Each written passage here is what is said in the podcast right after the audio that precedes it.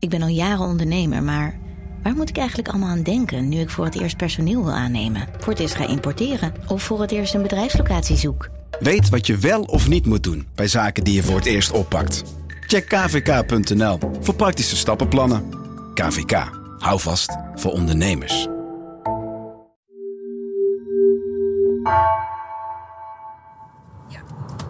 Uh, wat is precies? Het adres. Route de Philippe Ville. Weet je hoe je dat moet schrijven? Route de...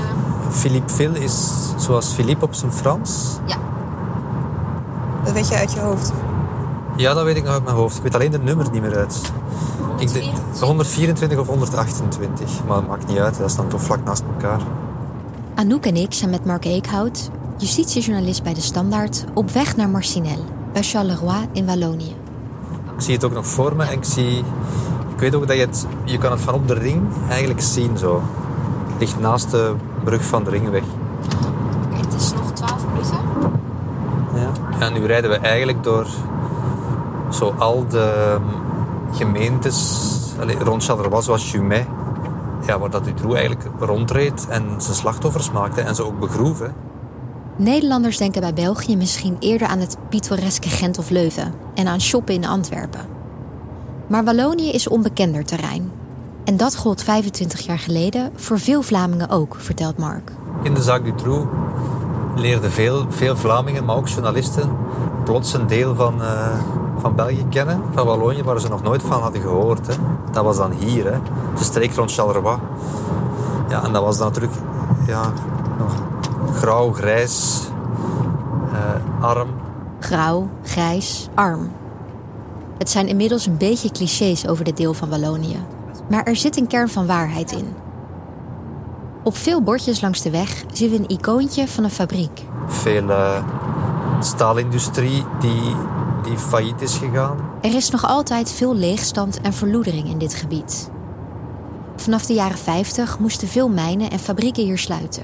En de hoge werkloosheid die daarop volgde is nog altijd een probleem. In Ransard had hij trouwens een loods, Dutroux, waar we nu voorbij rijden. Hij had iets van zes huizen of zo? Of? Ja, ik weet dat niet meer van buiten, maar hij had, hij had heel wat huizen. Ja, dat heeft ook zoveel... De, veel theorieën de kop doen op, opsteken van hoe kan hij dat, als, dat hij zoveel huizen had. Maar dat waren stuk voor stuk krotten. Hè.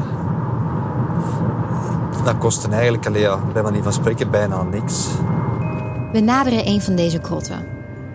Hier werden Julie en Melissa, Anne en Eefje en Sabine en Letitia vastgehouden. God man, ik ken het mezelf nog nauwelijks nog. Als we de auto uit zijn gestapt en om ons heen kijken, komt de omgeving ons direct bekend voor. Die beelden zijn toen, weet je nog? Die beelden zijn toen vandaar gemaakt. Ja, ja, ja. Want ik zie dat inderdaad precies zo voor me. Ja, dus die beelden van, van de bevrijding, dat is hier, hè. Op een paar meter afstand razen de treinen met regelmaat voorbij over de spoorweg. Maar die trein, daar, dat vertelt dus Sabine zo in haar brieven die ze dan schreef aan haar ouders. Dat ze deed dat die treinen voorbij hoorden komen en dat ze daar helemaal gek van werd. Ik snap het wel. Daar Ja. word je ook al gek van. Ik weet niet of dat ook was van dat daar buiten gewoon alles doorgaat of zo en dat je daar dan binnen zit. We voelen ons wat ongemakkelijk. Als een soort ramptoeristen die 25 jaar na dato nog even komen kijken naar het horrorhuis. Mark spreekt een jonge man aan die in de straat blijkt te wonen. Is dit het huis van Marc Dutroux? vraagt Mark voor de zekerheid.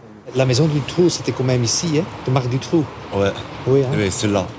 We staan voor het huis, dat nog steeds leeg staat. De hele gevel is afgetimmerd en daarop is een schildering gemaakt. Je suis nouveau ici. Ah oui, mais tu n'es pas né ici. Ouais. De man die nog steeds bij ons staat, vertelt dat hij 28 jaar oud is, maar pas later hier is komen wonen. Quand vous êtes venu ici, vous le saviez? Ouais, ouais, je savais, oui, oui, je savais. Je savais, oui. Toen hij hier kwam wonen, wist hij al wat er zich in dit huis had afgespeeld. De man vertelt dat er nog altijd veel journalisten langskomen, maar ook mensen die video's of foto's van het huis maken. Il y a beaucoup de journalistes qui, qui viennent ici. Il y a beaucoup de Dijon, et beaucoup de journalistes, il y a beaucoup de filles, Dijon, et le- il faut toujours les vidéos et tout. Ouais. Ouais, Et des photos. ouais. Na 25 jaar lijkt hier weinig veranderd. De voorbijrazende trein, de afrit van de snelweg, het huis dat er nog altijd staat, maar niet bewoond is. We zien de beelden van Sabine en Letitia die huilend uit de kelder worden gehaald in deze straat, zo weer voor ons. Alsof het gisteren was. Het huis lijkt ongewild een soort pijnlijk monument geworden voor deze traumatische gebeurtenis uit de Belgische geschiedenis. Hoe kom je als slachtoffer of nabestaande over zo'n traumatische gebeurtenis heen? En hoe doe je dat als samenleving? Kan België deze zaak al achter zich laten? Of blijft het spook Dutroux, net als in deze straat in Marcinelle, ook in de rest van het land rondwaren? Ik ben Gabrielle Ader. Ik ben Anouk van Kampen. Dit is de vijfde en laatste aflevering van De Schaduw van Dutroux. Het verdriet van België. Fijn dat je luistert naar De Schaduw van Dutroux. Wil je deze aflevering verder luisteren? Nederlandse luisteraars doen dat via de podcast-app van NRC. Belgische luisteraars via die van de Standaard. Daarvoor heb je geen abonnement nodig, dus luister snel verder. Technologie lijkt tegenwoordig het antwoord op iedere uitdaging. Bij PwC zien we dit anders. Als we de potentie van technologie willen benutten, kunnen we niet zonder een menselijk perspectief. Human-led, tech-powered noemen we dat. Ga naar pwc.nl.